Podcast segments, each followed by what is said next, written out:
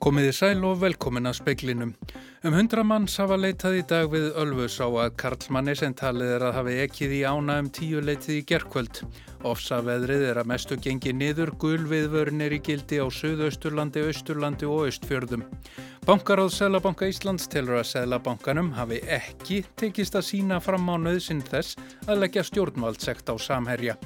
Breskir þingmenn gætu fengið tækifæri til að greiða atkvæðum stuttan frest á útgöngu Breitlands úr Evrópussambandinu.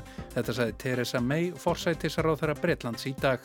Brottrekstur heiðveigar Marju Einarstóttur úr sjómanafélagi Íslands var óheimil og félagi þarf að greiða 1,5 miljón korona í sekt í ríkissjóð. Þetta er nýðustada félagsdóms. Um sjónamaður speilsins er Pálmi Jónasson. Maðurinn sem leitað hefur verið að í og við Ölfusá frá því í gerkvöld heitir Páll Mar Guðjónsson. Veður til leitar hefur farið batnandi í dag og verður leitað fram í myrkur í kvöld. Hólfríðudagin í Fríðjónsdóttir er á leitarsvæðinu. Já, við erum hérna fyrir neðan Ölfusábrúna á Selfossi. Það er frekar hrisingslegt veður, uh, róku og ryggning en þó aðeins skára veður en var í kvöld og nótt. Við erum búin að fylgjast með björgunar aðgerðum undanfarin tæpan, já, tæpan sólarhing. Uh, þeir hafa verið hérna á bátum og jetski fara hérna upp og niður ána í dag og standa núna og og lappa með fram ár bakkanum. En við hittum einmitt hérna rétt fyrir klukkan 5 tvo björgunarliða.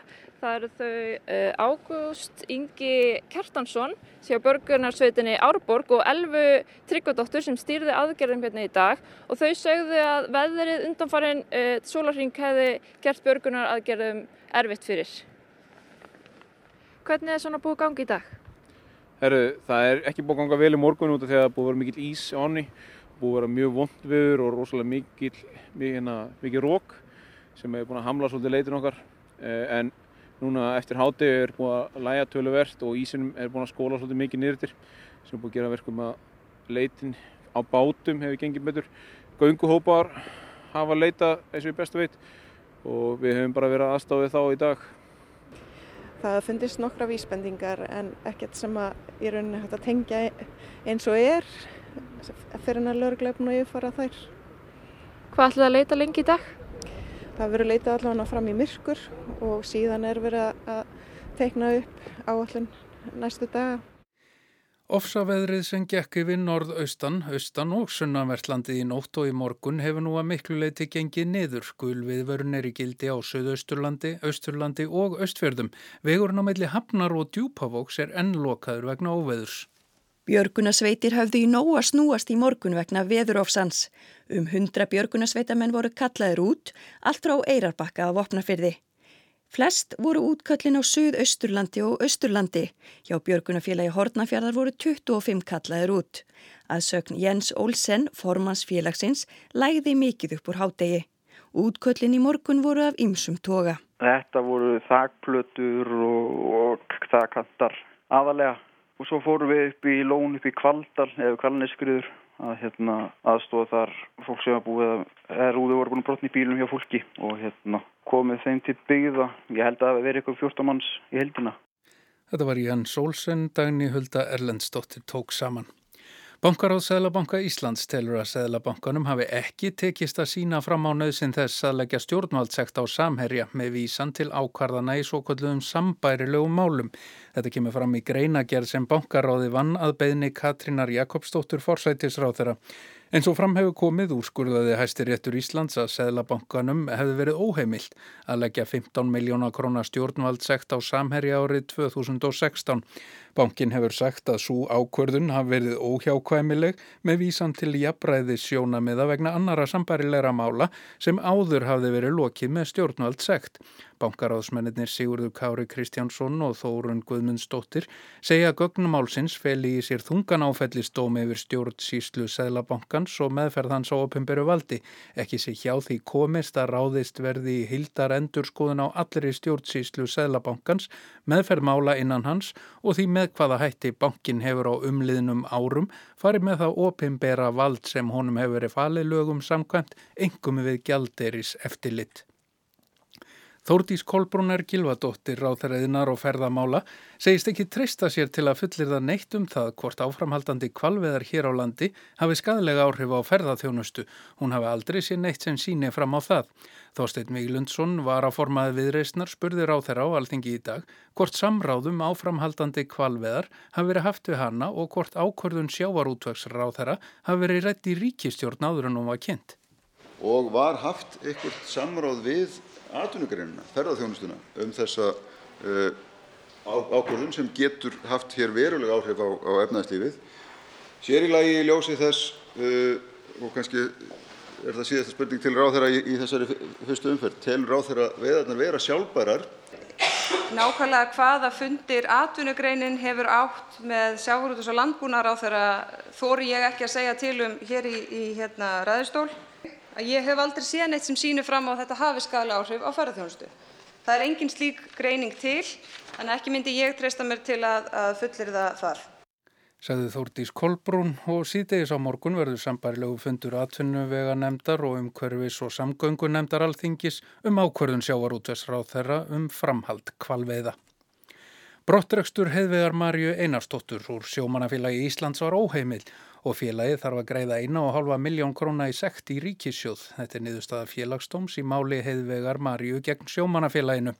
Félagstómur telur að líðræðislegar grunnreglur stjættafélaga hafi verið virtar að vettugi. Sjómanafélagið hafi látið heiðvegu gælda þess að hún vildi hafa áhrif á stjórnum félagsins. Fyrir hendi hafi verið skýr ásetningur um að fella úr gildi réttindi heiðvegar og koma þannig í veg fyrir að hún geti haft áhrif á stjórnum félagsins.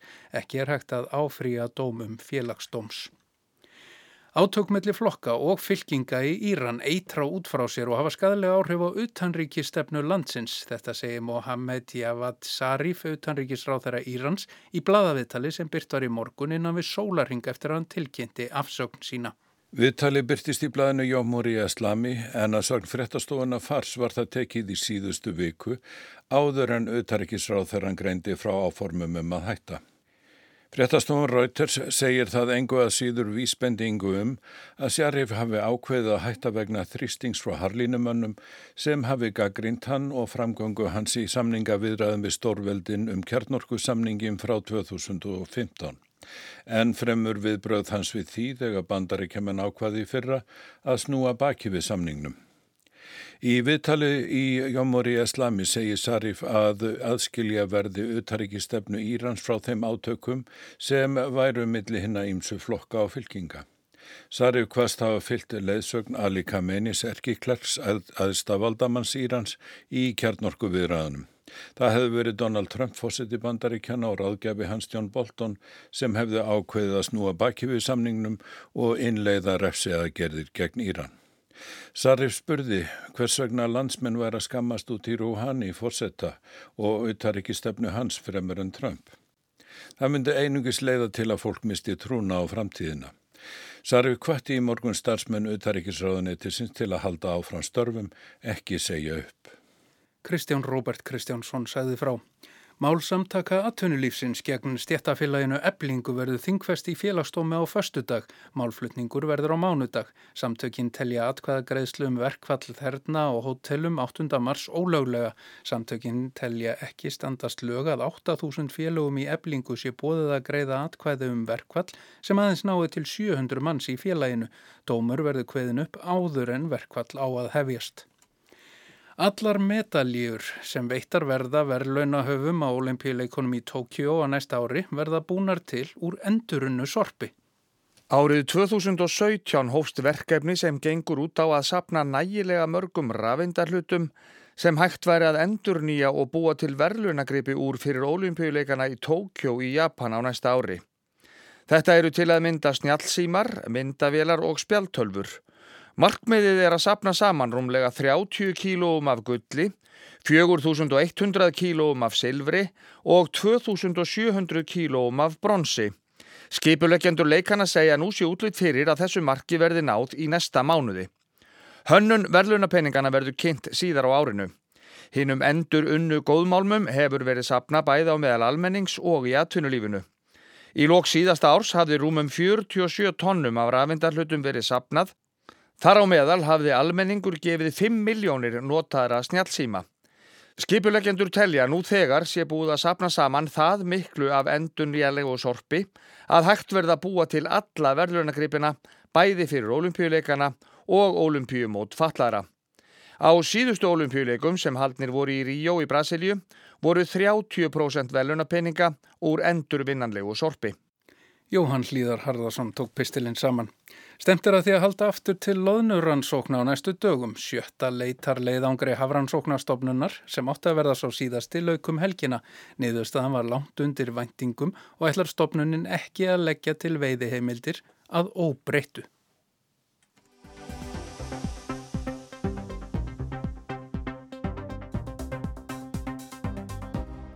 Eftir viðræður Teresu mei forsætisráð þeirra við aðra ráðamenn í Evrópussambandinu ákvaðunum helgina að fresta atkvaðagreðslu vikunar um útgöngu samningin við ESB. Í þinginu í dag veifaði hún kosti sem hún hefur ekki vilja nefna hinga til, frestun útgöngu.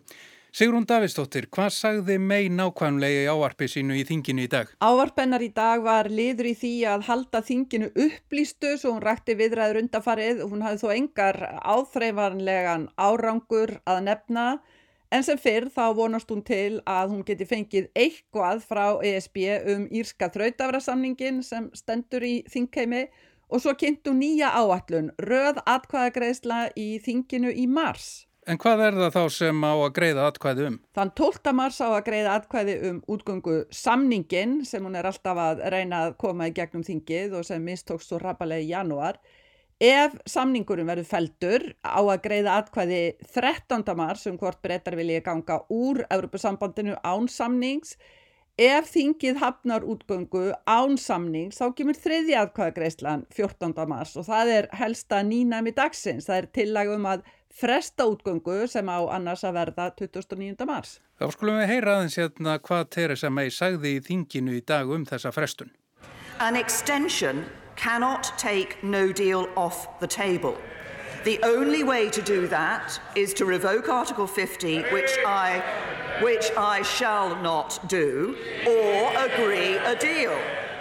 Það sem megin nýtti á þarna er að frestun er engin frelsun frá útgöngu án samnings. Það það aðeins gert með því að afturkalla 50. grein lesabónum samningsins, útgöngu greinina, sem megi er öldungis ófús að gera, eða samþykja samning. Það er þennan samning hennar við Europasambandið. En er þá búið að negla þetta alveg niður? Svona verður þetta kosið 12., 13. og 14. mars um þessa mismunandi möguleika? Njá, þetta er nú kannski ekki alveg örugt. Mei er algjörlega móti frestun, líka því að frestun býr til þriðja kostin fyrir þingheim. Meðan hún vil að þingheimur einbeti sér að samning eða útgöngu án samnings og þar sem meiri hluti er gegn útgöngu án samnings, þá er bóðskapur hennar greiði þá samningnum atkvæði til að komast hjá þessum, uh, til að komast hjá þessari útgöngu án samnings.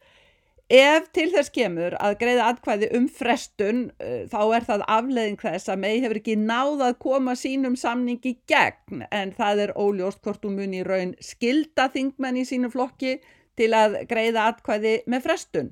Ljóstlega uh, eru brexit sinnar á móti þessu og þeir gætu ekki greitt atkvæði með frestun og hún er reyndar ekki búin að nefna hversu laung þessi frestun hefur verið Svo að þarna gætu hugsalega orðið ráð þeirra afsagnir brexit sinna og kannski einhverju þingmenn sem að yfirgefi flokkin. En nú hefur mei þvert tekið fyrir frestun. Akkur skiptir hún núna um skoðin?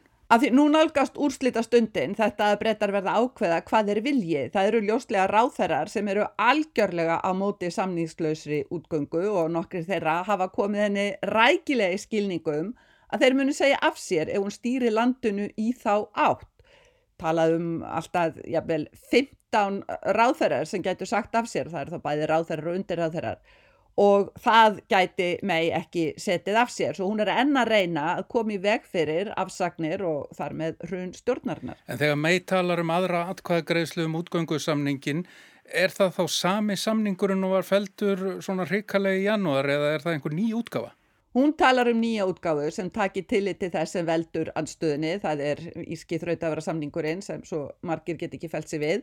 En í ljósi þess að hún er áranguslöst búin að vera að reyna að fá Evropasambandið til að samþykja breytingar, hún er búin að vera að reyna það alveg síðan fyrir jól, þá spyrja margir hvort hún nái yfirleitt breytingum sem að þingmenn anstæðir samningnum sætti sér við.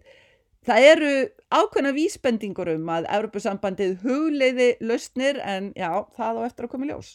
En hverju svaraði þó Jeremy Corbyn leiðtói verkamannaflokksins í þinginu í dag? Corbyn nýtti á dugleysi með þess að hún hefði fresta atkvæða greiðslu þrísvar og tapað yllilega einu sinni.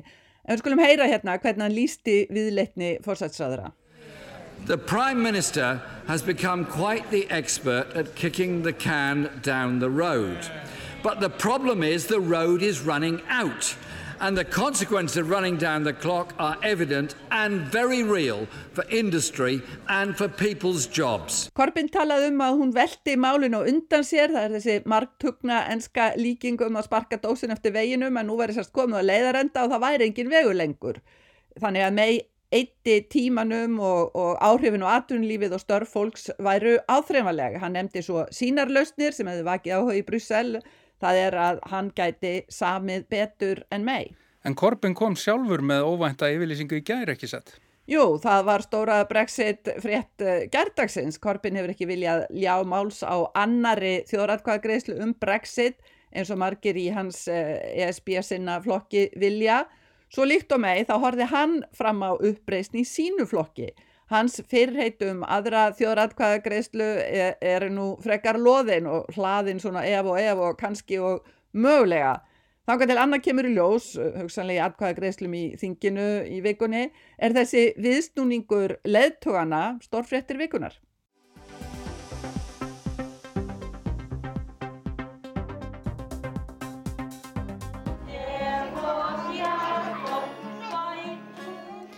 Flestum krökkum finnst gaman að hafa kósi kvöld heima. Þetta var meðal þess sem fjölmenningarverkefni barna í leikskólan okkurum í Reykjavík leti í ljós. Fjölmenningarstarfi í leikskólum hefur tekið breytingum í árana rás og áhersla á þjóðmenningu og þjóðfána hefur vikið fyrir áherslu á persónulega menningu hvers barns, menningu sem að ekki tengist endilega uppbruna fjölskyldunar. Síðastliðin ár og áratugi hefur samsetning barnahópsins í leikskólum Reykjavíkurborgar breyst. Um 15 leikskólabarna er nú af erlendum uppruna. Munurinn milli leikskóla getur verið mjög mikill þannig hafa 82% nefenda í leikskólanum Öspi Breiðholti erlendan bakgrunn en einingusum 10% nefenda í leikskólanum Rauðhóli í Norlingaholti. Í flestum leikskólum er hlutfall barna af erlendum uppruna á milli 20 og 40%. Þeir leikskólar sem hafa hátt hlutfall barna af erlendum uppruna hafa svona gjör breytt starfsáttum sínum og er að nota aðferði sem að gagnast öllum börnum. Það eru öll börnum sem græða á því og þeir eru til dæmis með myndrænt skipulag, nota brúður og muni í, í sögustundum og samskiptabækur og það eru margi leikskólar sem eru að vinna frábært starf. Þetta segir Saga Stefensen, verkefnastjóri og ráðgjafi vegna fjölmenningarlegs leikskólastarfs hjá Reykjavíkuborg. Sumstaðar þar sem hlutfall barna af erlendum uppruna er hátt hafa skólanir einfallega þurft að laga starfið að nýjum veruleika. Í öðrum skólum þar sem hlutfallið er lægra veltur það kannski frekar á áhuga og þekkingu kennara hversu mikil áhersla er á fjölmenningu og fjölbreytta kennsluætti. Allir leikskólar borgarinnar eiga þó, óháð hlutföllum barna, að vera fjölmenningar leikskólar og starfa eftir stefnu borgarinnar, heimurinn er hér. Speillin rætti við sögu um fjölmenningarlegt leikskólastarf fyrir og nú og það er áskoranir sem leikskólakennarar standa framifyrir. Saga vann sjálf í leikskóla í fimm ár. Þar var henni markvist með heima menningu barnana og þau 20 tungumál sem voru töluð í skólunum. Saganefnir til dæmis þróunarverkefnið töfrandi tungumál. Það snýst ekki um að kenna öll þessi 20 tungumál í leikskólanum, heldur miðar það að því að sína börnunum að tungumál þeirra sé virt og velkomið í skólanum. Til dæmis vorum við með tungumálvikunar. Þá er sérstaklega öll tungumálbarnana tekin fyrir og það er eitt tungumál tekið fyrir í viku í senn og þá tölum við, þetta er allt í samstarfi við fórildra. Þetta verður að vera í gegnum þá og þá kannski bjóðum við góðum daginn, kennum nokkur orð, fáum leifbenningar hjá fóreldrum um hvernig við berum fram og, og svo bjóðum við fóreldrum að koma í leikskólan og segja sögu eða, eða syngja og þetta var alveg, sko mér var svo magnað að sjá hvað fóreldrar voru ánaði með þetta og það vildur bara allir taka þátt á einhvern nátt. Þannig hafi sumir þýtt heilu bækurnar úr móðumáli sínu á íslensku eða ennsku svo kennarar getur nota þær í samverustundum með börnunum. Saga segir að með þessu séð í miðlaða fjöldtingi sé styrkur. og maður bara sá hvað þetta hafði mikil áhrif á sjálfsmynd barnana að þau bara alveg já, ljómuðu í þessum stundum. Og þá var það líka undir þeim komið sko hvort að þau vilji koma fram og segja ég tala þetta mál og við vorum ekki að benda á börnin heldur bara að segja þetta er tungumálvíkunar og við erum núna að vinna með þetta tungumál. Og svo er, eru söm sem að koma þá og segja ég, ég kann að telja ég, og, og vilja þá koma og, og tala við hinn að krakkana. En, en svo eru önnur sem að vilja bara já, kannski bara nóg fyrir þau að brosa Börnin sem eiga íslensku að móðumáli síndu verkefninu líka mikinn áhuga. Þetta opnaði þeim nýjar gáttir. Í fjölmenningar leikskólum er líka unnið með heimamenningu barnana. En hvað felur það í sér þegar flest börnin eru fætt og uppælin á Íslandi og hafa jafnvel aldrei komið til heimalands fóreldrana? Sko heimamenning, allavega eins og hérna, ég líti á heimamenningu að það er persónuleg menning.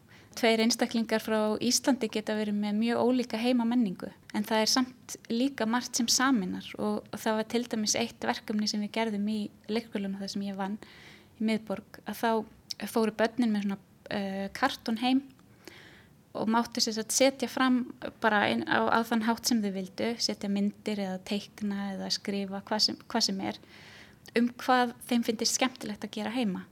Og þetta var alveg rosalega skemmtilegt að þetta það var svo margt sem saminnaði og svo var annað sem að þeim fannst mjög skemmtilegt að sína sem voru með myndir af afömmu eða og margir, mjög margir með myndir af kósikvöldi og þá var það svona eitthvað, já, heyri, það eru mjög mörgum sem finnst það gaman. Þannig að það var ekki áhersla á þjóðmenningu heldur bara það sem að börnin vilja sína og það getur verið að það sé þjóðlegt en þá er það bara þeirra að ákveða Hefur þetta alltaf verið svona? Þegar nú er svona þessi fjölmenningarstefnur og svona áhersla á fjölmenningu hefur verið að reyða sér til rúmskaski síðustu 20 ár. Hefur alltaf þessi skilningur verið laður í heimamenningu eða var einhver tíma bara verið að sína myndir eh, frá einhverju svona mjög svona típisku sem tengist Tælandi eða Filipsegjum, einhverjum þjóðbúningum og þess aftar? Þetta hefur breyst mikið held ég og, og bara á þessum fimm árum sem ég var að vinna í leikskóla þá fann ég bara mikil, mikla svona hugafarsbreytingu. Í dag er sem sagt lögð áhersla á fjölmenningu í víðum skilningi. Fjölmenningu sem varðar alla í samfélaginu, ekki bara þá sem er af erlendum uppruna. Saga segir að áður hafi verið lögð meiri áhersla á þjóðmenningu. Og hengi upp fána og já, og svona að merkja börnin í rauninni með, og, og það var ekki endilega sko, þannig sem að þau skilgrindu sig. Þau kannski líta á sig sem Íslendinga og það var allt í hennu komin fáni eða, eða þau átt að koma og voru beðnum að koma með eitthvað í leikskólan sem að tengist þeirra landi eða heima í landi fóreldrarna en þau tengi ekki endilega við. Þau geta gert það en þá er það þeirra að ákveða það finnst mér. Þannig að þetta er kannski svolítið svona einmitt gamli tímin, þessar áherslur, þú átt þennan fána eða eitthvað svona. Já, en það er einmitt og, og þetta með fánana er svona Eh, það er svolítið erfitt viðfangsefni að því að það getur alveg verið skemmtilegt að vinna með fánuna en, en þá er það líka eitthvað sem að veist, þetta getur líka verið viðkvæmt mál. Saga segir að börn sé oft áhuga sömum fána og það sé hægt að vinna skemmtileg verkefni með þá en fánar getur líka verið pólitískir og því sem mikilvægt vilji skólar vinna með eða hengja upp fána að gera það í samstarfi við foreldran og börnin. Þá telur hún ekki æskilegt að merkja fánana ákveðnum börnum. Sem hópur standa börn með annað móðurmála en íslensku höllum fæti í skólakerfinu. Sum hafi genað nógu góðum tökum á íslensku til að skilja flokna teksta og dæmir um að börn ná ekki góðum tökum á neinu tungumáli. Í leikskólanum er oft laður grunnur að íslensku kunnáttu barna með annað móðurmál. Í stefnu borgarinnar er lögð áhersla á virt tvítingi. Það þýðir að íslenska á ekki að koma í staðin fyrir móðurmál barnsins heldur er um viðbót. Likillin að því að ná færni í íslensku sé góð færni í móðumálinu. Mörg börn eru tvítingt en speilin hefur líka heyrt að það fjölgi í hópi barna sem eru fjöldtingt, tala fleiri en tvö tungumál. Í stefnu borgarinn er að þó fyrst og fremst fjallað um tvítingi. Í síðustu viku rætti speilin við brúarsmiði hjá miðjumáls og læsis um hvernig foreldrar geta stutt við virt fjöl eða tvítingi barna sinna. En hvað er þetta að gera í leikskólanum til að styðja við tungumálafærni barnana? Saga segir að mikil áhersla sé lögða á að þjálfa börnin í íslensku. Það er síður mælt með því að þau séu tekin út úr hópnum til þess að fara í sérstaka íslensku þjálfun. Frekar sé að horti þess að styðja börnin í leikin og deilt, setja orð á aðtapnir og vika út orðaforða þeirra. Forveri sögu í starfi þróaði nýtt efni sem að heitir Gefðu tíu og felur í sér að hver starfsmæður gefi sér tíu mínútur á dag til að ræða við ákveði barn þá snýst þetta um það að hver starfsmæður á, á deildinni tali við barn í tíu mínútur á dag og þá, að, og þá er kannski verið að leggja áherslu á eitt eða tvö börn í eina viku eða tvær vikur, eitthvað slíkt. Og ef það eru fjóri eða fimm starfsmenn á deilda þá er þetta 40-50 mínútur á dag í bara málörfun og þá er verið bara að leggja áherslu á að tala um, um það sem er í umhverju bassins. Saga segir að margt sé gert til að tryggja börnin á í góðum tökum bæðu íslensku og móðurmáli sínu en það þurfi að gera betur. Í nýri mentastefnu borgarinnar sé lögð áhersla á það. Til dæmis þarf að, að hérna, auka færni starfsmanna til að, til að styðja við málþróska lestrafærni barna.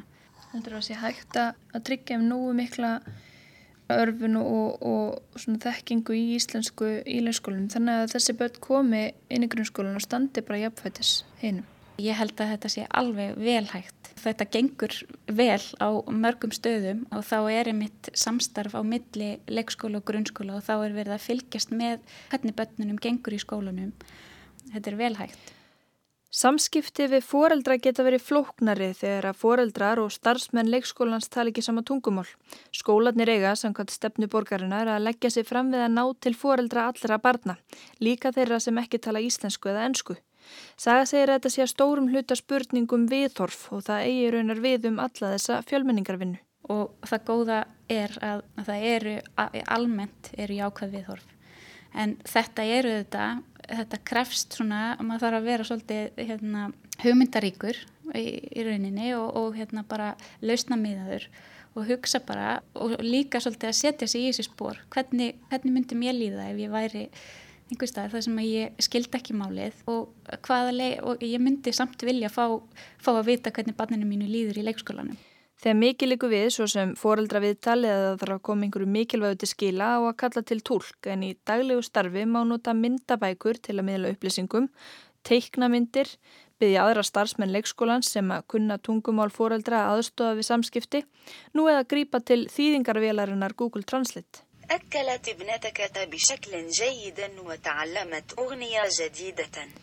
Nú að Google til dæmis að vera að segja Dóttir þín borðaði vel í dag og læriði nýtt lag á arabísku.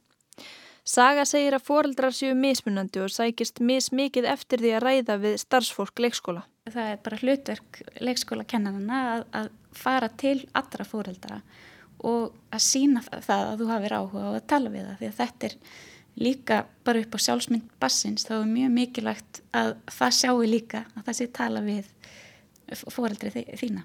Og er alltaf tími á undirmönnuðum leikskólum og svona þegar mikið að gera til þess að sinna þessu starfi, þess að sinna þessum samskiptum og að þetta kannski krefst uh, tíma? Það er reynd eftir bestu getu og ég minna auðvitað eru áskorunir og það þarf að fjölga fagmyndu fólki í leikskólanum og allt það en það er mjög margt sem er velgert og það er alltaf verið að leita leiða til þess að bara gera starfið betra. Sagði Saga Stefensen, Arnildur Haldán og dóttir tók pistilinn saman. En í spiklinu var þetta helst. Um hundrað manns hafa leitað í dag við Ölfus á að Karlmanni sem talið er að hafa ekkið í ána um tíu leitið í gerkvöld. Ofsaveðrið er að mestu gengi niður, gulvið vörn er í gildi á Suðausturlandi, Östurlandi og Östfjörðum. Bankaráð Sælabanka Íslands telur að Sælabankanum hafi ekki tekist að sína fram á nöðsin þess að leggja stjórnvaldsekt á samherja. Breskir þingamenn gætu fengið tækifæri til að greiða atkvæðu um stuttan fresta útgöngu Breitlands úr Evrópusambandinu. Þetta sagði Teresa May, fórsetisráð þeirra Breitlands í dag. Brottrekstur heðvegar Marju Einarstóttur úr sjómanafélagi Íslands var óheimill og félagi þarf að greiða 1,5 miljón króna í sekt í ríkisjóð. Þetta er niðurstaða félagstóms. Ferðamálar á þeirra segist ekki treysta sér til að fullir það neitt um það hvort áframhaldandi kvalveðar hér á landi hafi skadleg áhrif á ferðaþjónustu. Hún hafi aldrei sér neitt sem síni fram á það. En þá er ekki fleira í speklinum. Tæknum að það var Ragnar Gunnarsson. Verðið sæl.